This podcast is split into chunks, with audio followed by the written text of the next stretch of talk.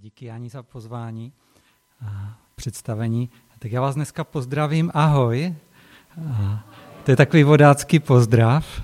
Možná si říkáte, proč ahoj. Minule, když jsem streamoval, to bylo ještě v době těch omezení, byl to jenom stream bez lidí, tak bylo to v 11 hodin a já jsem v té trémě prvně, co jsem řekl, jsem pozdravil krásné odpoledne, tak to ahoj je takové neutrální, to člověk nepokazí, ale ten důvod, proč vodácký pozdraví, protože my jsme se pořád báli toho sucha a najednou je vody strašně moc.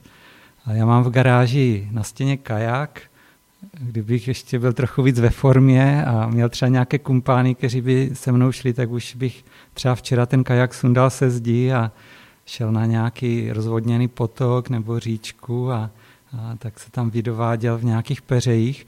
A tak já jsem i pro ten dnešek zvolil takový vodácký text z Bible, když máme hodně vody. A to, proč tady mám hokejko, mluvím o vodáctví, to, to bude časem objasněno. Já ji zatím odložím. A já jsem vybral text z Matoušova Evangelia ze 14. kapitoly od 22. verše.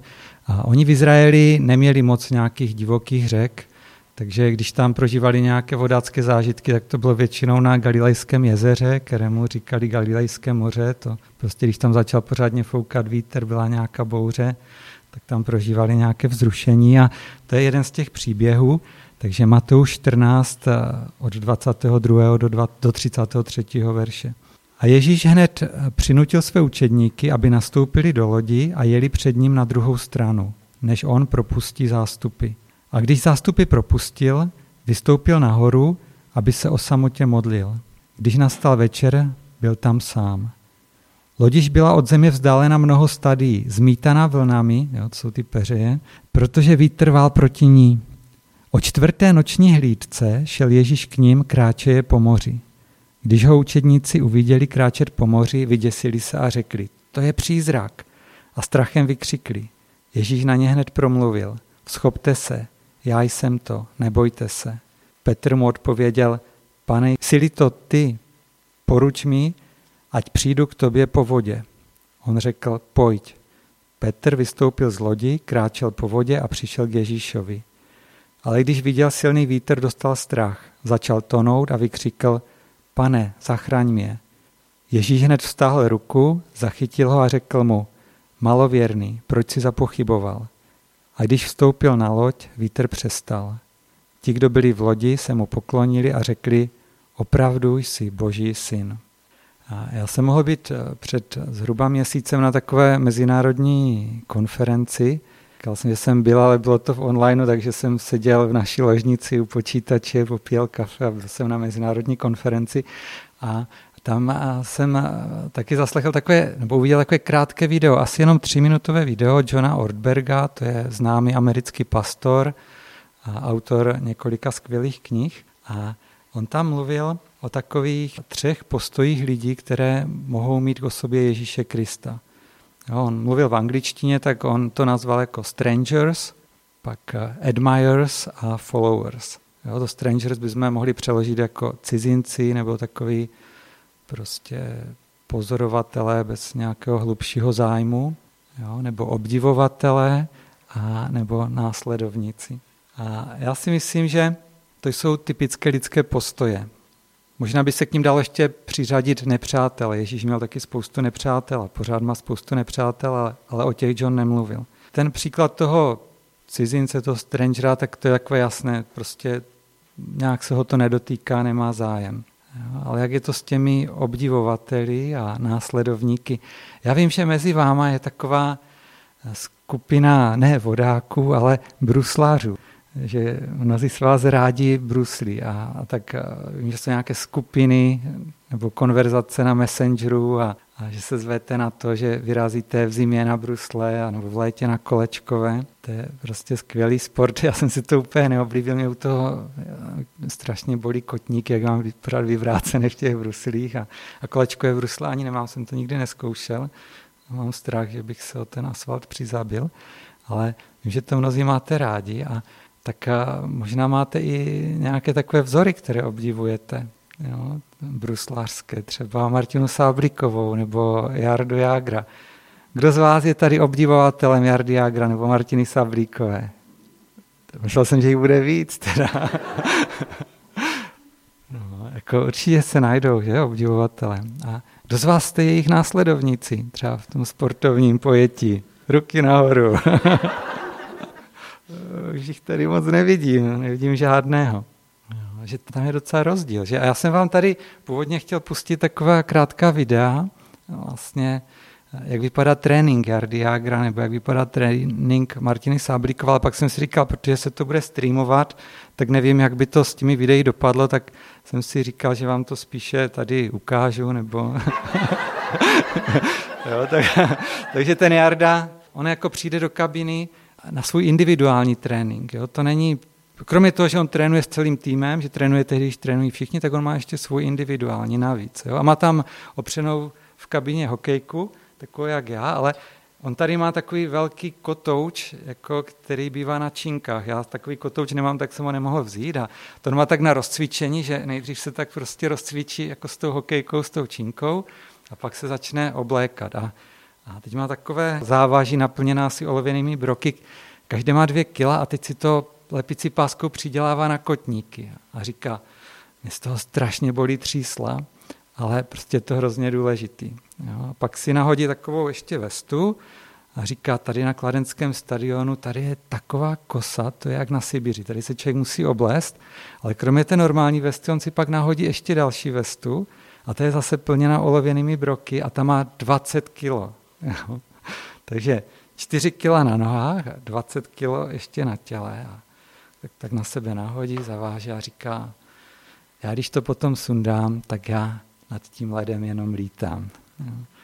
A, a maká. Pak tam prostě krouží 40 kruhů jako jedním směrem, 40 druhým a popadá dech ve svých skoro 50 letech. Jo, maká. A Martina, ta pořád čeká, že premiér postaví ten slíbený krytý tréninkový prostor, tu rychlodráhu, pořád se to ještě nějak nestaví, někde se to prostě zaseklo ale ona nezahálí. Jo? Ona prostě zašla do Bauhausu. To můžete všichni bruslaři udělat, to prostě není těžký. Jo? Zajít, nechat si uřezat takovou laminodesku, asi tři metry dlouhou, jo? stačí možná takováhle šířka. A nakonec si dejte takové zarážky, jenom našroubujete a pak už stačí jenom od babičky dobré pletené, jo, vlněné ponožky, které kloužou. A můžete si to dát třeba do obyváku před televizí Jo, a teď zaujmout ten postoj a od té zarážky se odrazit na té jedné straně a teď na té druhé noze tak krásně klouzat. A hodinku, dvě, tři. No, není to sranda následovat jako ty své vzory, ty, které obdivujeme. Ale Ježíš nás volá k následování. On nehledá jenom ty obdivovatele, ty, kdo mu třeba fandí. Já si myslím, že jak to vlastně chodí, nebo jak to chodí s tím, když se člověk dostává k Bohu. Já si myslím, že často projdeme všemi těmi třemi fázemi. Že? Nejdřív jsme takoví ti cizinci, bez zájmu, je tady nějaký Ježíš, to mě vůbec nezajímá, jo, to, je, to je ten kostel, to je to náboženství, to jsou ty křížové výpravy, jo, to, ale pak nás něčím zaujme. Jo. A on touží, abychom šli dál, abychom ho poznali a následovali. A my můžeme ten takový klasický průběh vidět třeba na Zacheovi. Jo, já nebudu tady číst ten příběh, ale to byl ten celník, ten židmí nenáviděný kolaborant, ten císařský výběrčí daní, který prostě pro Římany, pro ty okupanty jo, vybíral peníze od Židů. Ho Ježíš na začátku asi nezajímal, měl ten svůj biznis, ty svoje cíle, ale, ale pak ho Ježíš něčím upoutal. A protože ho fakt upoutal a chtěl ho více poznat, tak on vylezl na takový strom, aby na něho pořádně viděl, protože byl menšího vzrůstu. A on se z toho takového jenom možná ani ne pozorovatele z toho cizince, stal takovým obdivovatelem Ježíše. Dostal se do bodu, kde třeba Pilát nebo Herodes vlastně se nikdy nedostali. Oni vždycky zůstali jenom těmi cizinci. Ale my víme, že tam ten Zacheův příběh nekončí. Že Ježíš se tak pěkně pozval do jeho domu a díky tomu, co Zacheus mohl vidět a slyšet, tak on vydal svůj život Ježíši a stal se jeho následovníkem a, a polovinu svého majetku jako hned rozdal chudým a komu něco vzal, trojnásobně mu to nahradil. Z toho cizince přes obdivovatele se stal následovníkem. Ale potom ten John Ortberg v tom kratoučkém videu říká, že se nám ještě objevuje takový další druh, nebo typ, nebo postoj. On to v té angličtině nazval user, jo, uživatel. Ten, kdo Ježíše jako nějak využije. A my všichni jsme vlastně useři. Jo?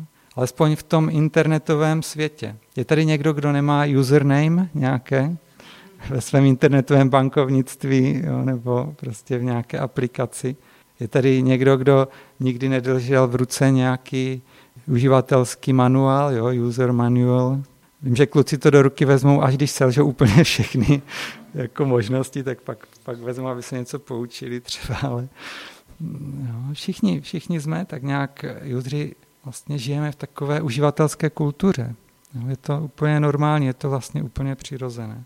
Ale pán Ježíš to je něco jiného, to není nějaká internetová služba, do které se přihlásíme, tam nalogujeme, když něco potřebujeme. Jo? Prostě teď, teď je mi úzko, jo? tak zadám uživatelské jméno, heslo a už volám modlitbou k Pánu Bohu, pomož mi, zachraň mě a až to přejde, tak mi zase otrne a jedu dál. Jo? Pán Ježíš není nějaká apka, kterou si stáhneme z Google Play a otevřeme jenom tehdy, když ji budeme potřebovat. On je pán celého vesmíru, mu patří úplně všechno. Jo, mu patříme i my. Je naším stvořitelem, vykupitelem, zachráncem. Položil za nás život. Jo, smrti na kříži se toužil získat naše srdce. A on s náma touží mít živý, blízký, rostoucí vztah. Ale my každý můžeme mít někdy ty tendence jenom tak Ježíše využít. Vzít si od něj jen to, co zrovna chci to, co já myslím, že je teď pro mě dobré a příjemné, a to ostatní, o to se postarám sám. Jo, to si někde seženu, nějak jinak si to prostě zajistím. A tak když se vrátíme k tomu našemu vodáckému příběhu na tom Galilejském jezeře, tak takový ten uživatelský přístup, ten může, být, ten může znít třeba tak, dej mi Ježíši, prosím tě, nějakou pěknou jachtu, do které neteče, na bych toužil, abys mi do toho života na tu jachtu přidal nějakou krásnou ženu, která mě bude milovat po celý zbytek života, abych se neplavil sám. Dobrý vítr do plachet, sluníčko, klidnou hladinu a také tu nabízenou životní pojistku zdarma, no víš, kterou tu s názvem Life Forever. A zbytek už si zařídím sám, zbytek už zvládnu. Díky, měj se, pluju. A kdybych něco potřeboval, tak se ozvu, neboj? To zní trochu přitaženě za vlasy, že? Tak, takhle, takhle bychom to v našem životě nikdo nechtěli dělat. Jo? Takhle to doufám nemáme. A přesto potřebujeme zkoumat motivace našeho srdce. Jde mi na prvním místě o můj intimní vztah s Ježíšem. Jo? Jde mi o to samé, o co jde jemu, jako aby náš vztah rostl. A nebo mi jde o něco jiného. Jo? Nebo mi jde spíše o to, co třeba já z toho získám. A to můžou být i takové pěkné věci, jako že, že získám něčí lásku, nebo že získám pokoj v srdci, že, že prostě už nebudu prožívat nějaký stres nebo depresi, že se budu cítit dobře. To všechno může být vlastně takovým projevem toho našeho využívání Ježíše. A pokud nám nejde na prvním místě o to nejdůležitější, o náš blízký vztah s ním. U následování je to jiné. My neurčujeme směr, ani rychlost plavby, ani jak ta loď vlastně vypadá, jestli do ní teče nebo neteče. Hladina není vždy klidná, slunce vždy není na obloze, jak zpívá jedna křesťanská píseň, ale to není ani v tom životě nenásledování. Ale to, co víme, když následujeme Ježíše, je, že víme, že s námi je On. A máme vzrušující příležitost naučit se s ním kráčet i po vodách. Nejenom plout, ale i kráčet po vodách, tak jako Petr. To, když se odvážíme za Ježíšem vystoupit z lodi, tohle se Juzrum nikdy nepovede. A tak se podívejme spolu do toho krátkého příběhu, co jsme četli, co pán Bůh nabízí těm, kdo ho následují. Já jsem tady dělal reklamu na krásný vodácký zážitek, že, ale oni to, ty vlny asi po tom celonočním veslování eh, už si moc neužívali, jo, protože Oni začali někdy možná ve tři odpoledne a Ježíš kráčel kolem nich ve tři ráno. Šlo patrně o bouři na jezeře a v Markově evangeliu čteme, že byli zmožení veslováním. Když uviděli Ježíše, tak eh, co tam čteme? Jako, zaradovali se, hurá, je tady, vyděsili se. Oni ho nejdřív nepoznali. A, a my si můžeme říct, to, co tady vlastně Ježíši šlo. Jo? On je pošle napřed, pak je tam nechá zápasit, jako nějaké bouři, jo? a pak je tam tak jako vyděsí. Jo? Když se ráno ve tři prostě prochází po moři kolem nich. A odpověď můžeme najít v Markově evangeliu. Tam to totiž zní tak ještě jinak. Tam se píše, kráčel po moři a chtěl jít dál kolem nich. To vždycky, když jsem četl, tak mi to tak přišlo takové divné, že tak já jsem myslel, že on jde za ním a tam to vypadá, že kráčel po moři a šel jakoby kolem nich. Proč chtěl jít dál kolem nich? Jo, chtěl s nimi závodit, prostě kdo bude dřív na tom druhém břehu. Dal jsem vám náskok, jo, prostě 12 hodin, ale vidíte, jsem rychlejší, nebo o co tam šlo. A to řecké slovo, které Marek používá, je parech parerchomají.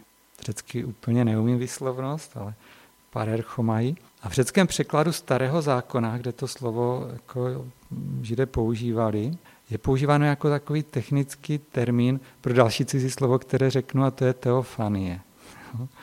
A to je poslední takové cizí slovo, které tady dneska řeknu. A ta teofanie, ta popisuje, to jsou ty určující okamžiky, kdy se Bůh jako překvapivě a dočasně zjevil v té pozemské říši vybranému jednotlivci nebo nějaké skupině, aby jim něco sdělil. A my, my známe třeba ten příběh, kdy Bůh schoval Mojžíše do skalní rozsedliny, aby mohl spatřit, aby ho Mojžíš mohl spatřit, až tudy bude procházet ta boží sláva. Jo? A pán kolem něj prošel. Taky tam byla nejdřív ta vychřice, že a různé věci a pak pán kolem něj prošel. A pro Mojžíše to bylo něco jak život jako proměňující. Nebo Bůh řekl Eliášovi, ať se postaví nahoru, neboť pán se tudy ubírá. Tyto příběhy, které my v Biblii vidíme, tak oni se odehrávají podle určitého vzoru. V každém z nich Bůh upoutal lidskou pozornost něčím zvláštním. Jo, nebylo to jenom takové prostě taková všední záležitost. Jo, Bůh každého z těchto lidí povolal k tomu, aby vykonal něco neobvyklého. Bůh v každé z těchto situací, nebo v každé z těchto situací byl Bohem volaný člověk naplněn strachem, jo, že vždycky tam byla taková jako bázeň z Boha. A kdykoliv na to volání kladně odpověděli, tak zakusili ve svých životech boží moc. A já si myslím, že něco podobného se odehrálo i tady v tomhle příběhu. Ježíš se jim zjevil novým způsobem. A my tam čteme v tom příběhu, Ti, kdo byli v lodi, se mu poklonili a řekli, opravdu si Boží syn. Takže ti, kdo následují Ježíše, tak ho poznávají novým způsobem a zakouší Boží moc. A to je, to je prostě skvělá věc. To je, to je věc, kterou ničím nenahradíte. A mezi těmi dvanácti tam byl jeden, který eh, dostal zajímavý nápad. Oni už tak byli na té lodi, prostě vystrašení, vyděšení, zmordovaní. A kdo si myslíte, že může mít takový nápad z těch 12, tak jak je známe? Že Petr, že je taková horká hlava. A díky tomu, že on měl tady tenhle nápad, tak my se můžeme učit i nějaké pravdy o těch lidech, kteří prostě kráčejí po vodě. A já bych to udělal, aby každý z nás byl takovým člověkem, který Ježíše nejenom jako, že chce tak nějak využít, nebo že ho obdivuje, ale který ho následuje tak, že je ochoten vystoupit z té lodi a jít za Ježíšem kamkoliv. Jak jsme si řekli, že Petr je taková horká hlava, tak je tam taková překvapující věc, že ten Petr hned jako neskočil přes ten bok lodi a, a to, ale že on Ježíši říká, pane, jsi to ty, poruč mi, ať přijdu k tobě po vodě. Pane, jsi to ty, poruč mi, ať přijdu k tobě po vodě. Proč evangelista Matouš uvádí tento detail? Proč se Petr prostě nevrhne do vody? Myslím, že k tomu má vážný důvod. Jo? Tento příběh není o nějakém podstoupení rizika, ale především o poslušnosti. Tak je to vždycky, když následujeme Boha. Nejde o to udělat něco hrozně velkého, riskantního, velkolepého, ale v každé situaci jde o to být poslušný jako Bohu. To znamená že musíme rozlišovat mezi autentickým božím voláním a tím, co může být pouze mou vlastní bláznivou pohnutkou. Možná bychom mohli říct, že prostě to následování tenhle příběh, že, že to není příběh o extrémních sportech, ale příběh o extrémním učednictví, které bychom měli každý z nás jako dělat. Takže ta první věc, kterou my se můžeme od Petra učit a z toho příběhu je, že ti, kdo kráčejí po vodě, tak rozpoznávají mezi vírou a bláznovstvím. Že v něčem, a poštol Pavel říká, my jsme blázní pro Krista, ale to není takové to, prostě takové to hloupé bláznovství, to naivní bláznovství. Jo, to, je, to je poslušnost, to je poslušnost následování. Když se podívám na další věc, kterou se můžeme učit, tak vžijeme se do té situace. Jo, silný vítr, vlny, tma, tři hodiny ráno, vyčerpání, vy jste vyděšení v té lodi. Jo, co si vyberete? Vodu nebo loď? Jo, loď je spolehlivá, možná do ní trošku teče, ale prostě je, bezpečná. Ve srovnání s tou vodou je pohodlná. Voda je divoká, mokrá, bezedná, jo, možná ani neumíte plavat. V té době moc lidí třeba plavat neumělo. Pokud chceme kráčet po vodě, musíme opustit loď. To je prostě ta další zásada, kterou se učíme. Jo, pokud chceme kráčet po vodě, musíme opustit loď. A já věřím, že je něco, nebo přesněji řečeno někdo s velkým N v nás, kdo nám říká, že v životě jde o něco víc, než jen sedět v lodi. Byli jsme stvořeni pro něco víc, než abychom se jen vyhýbali neúspěchu. Je v nás něco, co chce kráčet po vodě, opustit pohodlí té rutinní existence a vzdát se sama sebe pro nádherné dobrodružství, následování Boha. Já věřím, že v každém z nás je touha po něčem velkém, po, po něčem, co přesáhne nás samotné, co sahá až do věčnosti. A tady přichází otázka, co je tou mojí lodí. A ta odpověď je, že naší lodi je cokoliv, co nám brání, nebo cokoliv, co nám přináší pohodlí, kterého se nechceme vzdát, i když nám to brání, abychom následovali Ježíše. V naší lodi je cokoliv, co nám přináší pohodlí, kterého se nechceme vzdát, i když nám to brání, abychom následovali Ježíše. Jsou to ty věci, ve kterých eh, hledáme bezpečí a jistotu, namísto toho, abychom je hledali u Boha. Co je tou mou lodí? No, jsou to peníze, nějací lidé, nějaké prostě vztahy, ve kterých se cítím dobře, i když ty vztahy třeba nejsou úplně zdravé.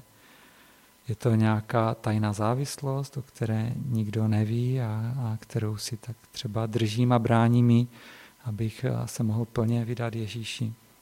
Může to být spousta různých věcí. A je důležitá otázka, jako, kterou si potřebujeme položit. Co je tou mou lodí? A proč jsem s ní ještě nevykročil? Takže ta první věc byla, ti, kdo kráčejí po vodě, rozpoznávají mezi vírou a bláznovstvím. Ta druhá, ti, kdo kráčejí po vodě, vystoupí z lodi. A třetí, ti, kdo kráčejí po vodě, očekávají problémy. Už když Petr žádal Ježíše, aby mu přikázal, ať přijde za ním, asi tušil, že to nemusí být bez problémů. Jo? Jinak by prostě hned skočil a šel. A taky to tak projevilo, že to nebylo bez problémů. Že, že došel sice až k Ježíši, ale pak se tak nějak rozhlédl, uviděl ty vlny, ten vítr, dostal strach a, a už tam byl až po uši. Takže ti, kdo kráčí po vodě, očekávají problémy. To je prostě realita života. Pane Ježíš, křesťanství to není jenom reklama na nějaký prostě eh, život bez problému, jo, vymetenou cestičku. Ale je to život, který stojí za to. A pak tady mám další, co se můžeme učit. Ti, kdo kráčejí po vodě, přijímají strach jako cenu za růst. Jo? Ti, kdo kráčejí po vodě, přijímají strach jako cenu, kterou musí zaplatit za růst. Abychom rostli, abychom mohli poznávat více sebe, to, kým jsme, jaký jsme, abychom mohli více poznávat, kým je Pán Bůh v našem životě, tak eh, budeme muset dělat kroky víry. A krok víry je vždycky spojený s tím, že že já ten krok dělám někde do neznáma, kde jsem ještě jako nestal, kde ještě nevím, jestli ta půda je pevná. A, a strach nebo obava je něco úplně přirozeného. Ale jestliže chceme kráčet po vodách, jestliže chceme následovat Ježíše, jestli chceme jít za ním, tak kroky víry jsou zároveň tím, tou úžasnou cestou k růstu. No, tou úžasnou cestou k proměně našeho srdce, našeho charakteru, k ovoci, které se může v našem životě projevit. Mám tady ještě poslední dvě takové věci, které se můžeme učit jich určitě mnohem víc. Ale že první byla, ti, kdo kráčejí po vodě, rozpoznávají mezi vírou a bláznovstvím. Ta druhá, ti, kdo chcou kráčet po vodě, musí vystoupit z lodi. Třetí, ti, kdo kráčejí po vodě, očekávají problémy. Čtvrtá, ti, kdo kráčejí po vodě, přijímají strach jako cenu za růst. A ta pátá je, že ti, kdo kráčejí po vodě, dokážou zvládnout selhání a chápou ho jako příležitost k růstu. Petr to úplně nezvládl. On začal dobře. Jo, my čteme. On řekl, pojď. Jo, Ježíš řekl Ježíši, teda Petrovi, pojď. A Petr vystoupil z lodi, kráčel po vodě a přišel až k Ježíši. Jo, až do tu, super. Ale pak to nějak pokazil, jak už jsme si řekli. Jo, 30. verš. Ale když viděl silný vítr, dostal strach, začal tonout a vykřikl, pane, zachraň mě. To je svým způsobem selhání víry. Prostě došel až k Ježíši a pak, pak se začal bát a, a pak se začal topit. A ti ostatní možná, nevím, co si ti jeho zbylých jedenáct mysleli o tom. Jo? Nevím, co si Petr v té chvíli myslel. Ale jako to, co se v životě učím a věřím, že to je zkušenost většiny z vás, je, že selhání je jedna z nejlepších příležitostí k růstu. Jo? Takové ty časy, kdy prostě nás všichni poplácají po rameno, jo, říkají prostě skvělý, jo, prostě úspěch. Jo. A vy se cítíte jako mistři světa, tak a tam se málo kdy naučíme něco hlubokého. Jo. Ale z našich selhání mohou povstat nádherné věci. Jo. Protože když prožíváme nějaké selhání, tak naši píchu střídá pokora. A o pokoře se říká, že to je pramatka všech ctností. A mimochodem otázkou může být, kdo selhal více. No, jestli Petr nebo těch jedenáct, kteří se neodvážili z té lodi vykročit. Kdo nic neskusí, nikdy nic nepokazí, ale možná míne to nejkrásnější. A teď už řeknu tu poslední věc. Kráčení po vodě přináší blížší vztah s Pánem Ježíšem. A to si myslím, že je úplně nejdůležitější z těch eh, všech šesti věcí. Věřím, že existuje mnoho prospěšných důvodů k tomu, abychom vystoupili z lodi. Jeden však předčí všechny ostatní. Voda je místo, kde je Ježíš. Může být tmavá, mokrá, nebezpečná. Ježíš ale v tom našem příběhu není na lodi. A Petr vystoupil z lodi, protože chtěl být tam, kde byl Ježíš. Matouš na tuto skutečnost upozorňuje. Petrova prozba zní, pane, jsi to ty, poruč mi, ať přijdu k tobě. Petr vystoupil z lodi a šel k Ježíšovi. A to je úplně to nejkrásnější. Ztrácí strašně moc ten, kdo to nepochopí a zůstane jen uživatelem a ne následovníkem Ježíše Krista. Juzři budou nakonec lůzři. A tím bych zakončil.